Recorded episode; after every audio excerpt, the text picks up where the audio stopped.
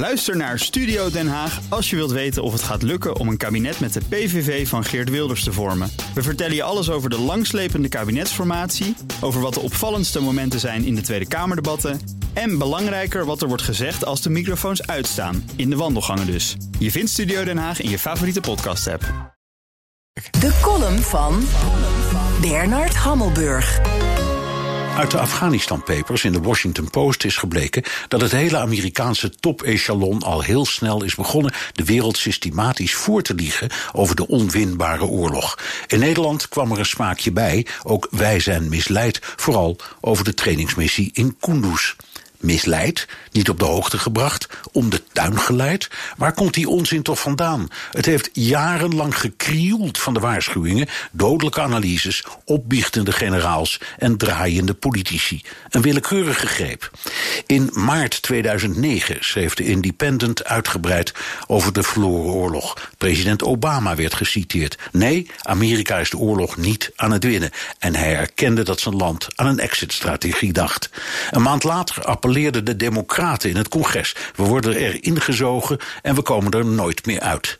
Vlak daarna, ook in 2009, tekende ik zelf in Afghanistan uit de mond van Stanley McChrystal, de Amerikaanse bevelhebber van de internationale vredesmacht, dit citaat op. Als je me vraagt hoe het met de oorlog in Afghanistan gaat, is mijn eerlijke antwoord geen flauw idee. Na de Nederlandse missie in Oeroeskan ging Nederland op initiatief van GroenLinks en D66 politieagenten trainen in Kunduz. Daar kwam nauwelijks iets van terecht. Er waren te weinig recruten, ze kregen hooguit een stoomcursusje en het opleiden kostte per agent een half miljoen euro. De Volkskrant ploos het in 2012 allemaal precies uit. Gepikeerde politici bleven volhouden dat we daar echt goed werk deden.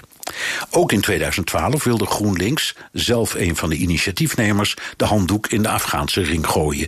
In 2013 fileerde de Washington Post de mislukte westerse poging om Afghanistan van de opiumteelt af te krijgen. Het was en is nog steeds verreweg werelds grootste opiumproducent. Nederland had in Oeroeskan zelfs het kolderieke idee dat je boeren in plaats van papaver aan het verbouwen van safraan kon krijgen. Een project waar we nooit meer iets van hebben gehoord. Ja, we zijn door ministers en generaals stevig om de tuin geleid. Maar van de plotselinge klaagzang van Kamerleden snap ik niets. Alsof ze van al die overtuigende publicaties nooit een letter hebben gelezen. Alsof de eindeloze werkbezoeken die ze zelf brachten nooit hebben plaatsgevonden. Tijd dus om de vraag om te draaien: waar was de Tweede Kamer eigenlijk zelf?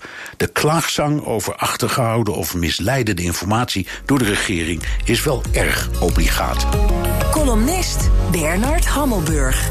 Terugluisteren? Ga naar bnr.nl of de BNR-app. En daar vindt u ook alle podcasts. Ook Liesbeth Staats vind je in de BNR-app. Ja, heel handig. Luister live naar Kees en mij tijdens de Daily Move. Dan blijf je ook gelijk op de hoogte van breaking news en het laatste zakelijke nieuws. En daar vind je ook alle BNR-podcasts, waaronder de Perestrooikast. Download nu de gratis BNR-app en blijf scherp.